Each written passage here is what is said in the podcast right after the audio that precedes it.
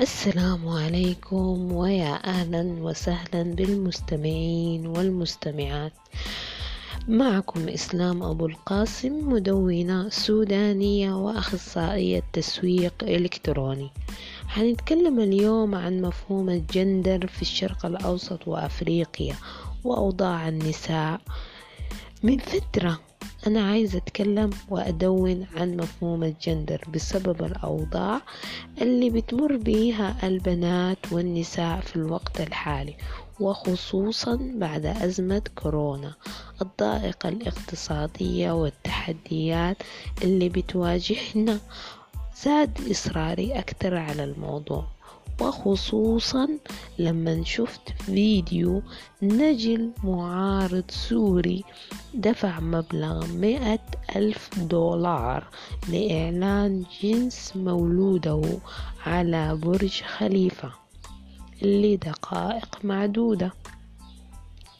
وطلع نوع أو جنس المولود ذكر ولد وأهل سوريا بيعانوا معاناة مريرة. الفيديو من بكاء وفرحة بنوع المولود إنه طلع ولد ذكر. شكل مفهوم بالنسبة لي حول أهمية الذكر الولد في مجتمعاتنا. وكنت على الرغم من أني أنا بشوف الهيمنة الذكورية في مجتمعنا علاقة النوع الجنس أو الجندر بالهيمنة الذكورية وعلاقته بمعاناة المرأة وكيف بيتحكم الرجل في مفاصل وحياة المرأة على الرغم من كل المطالبات بحقوق المرأة في البداية ما هو الجندر؟ الجندر أو النوع الاجتماعي هي مجموعة الصفات المتعلقة واللي بتميز ما بين الذكور والإناث الصفات تشمل الجنس الحيوي البنى الاجتماعية المتعد المعتمدة على الجنس بما فيها من أدوار اجتماعية. أما الهوية الجندرية فهي المفهوم الشخصي الذي يحدده الفرد لنفسه كذكر أو كأنثى ويرتبط ارتباط وثيق بمفهوم الدور الجندري والذي يعرف بأنه مجموعة المظاهر الشخصية الخارجية التي تعكس الهوية الجندرية. في الحقيقة بتعيش البنات والنساء ظروف استثنائية لكنها صعبة ومنها ظروف قديمة يعني وضع أوضاع كانت موجودة من زمان.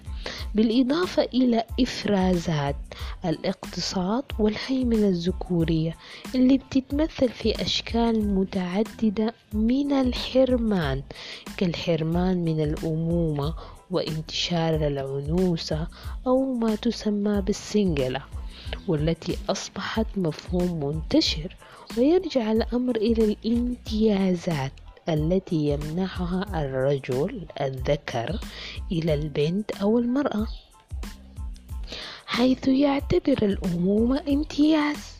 يتم منحه فقط إذا توفرت في المرأة صفات جمالية معينة أو بسبب التسابق على الأنساب والذرية. ويتم حرمان فئة معينة من النساء من هذا الحق.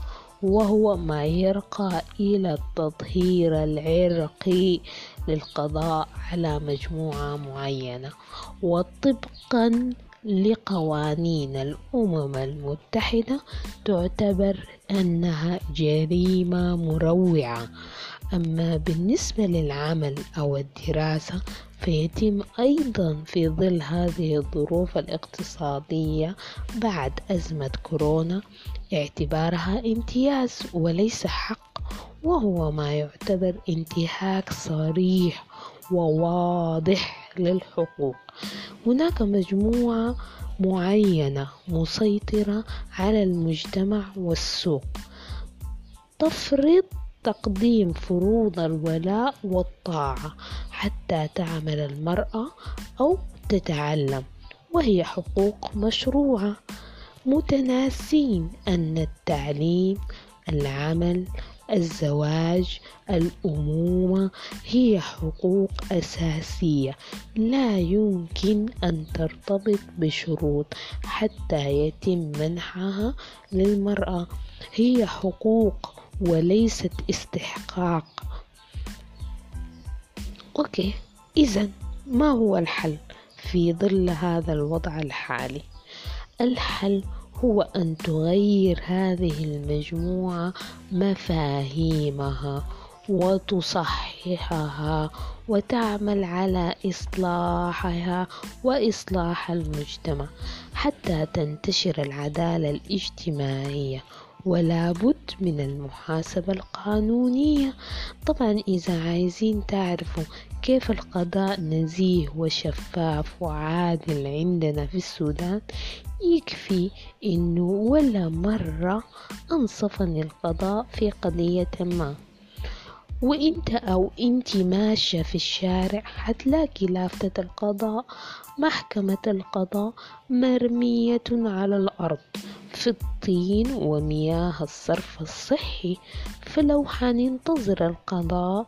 إن شاء الله ما ننتظر كثير لأنه بكده حيتحول المجتمع إلى غابة إلى غابة يتم فيها القضاء على أي معالم للعدالة والحقوق.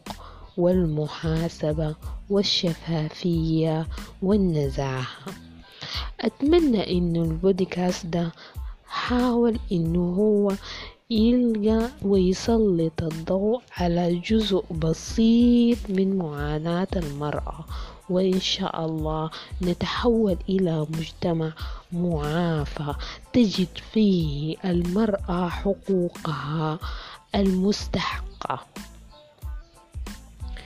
كانت معكم إسلام أبو القاسم شاكرة وممتنة لإستماعكم ومتابعتكم.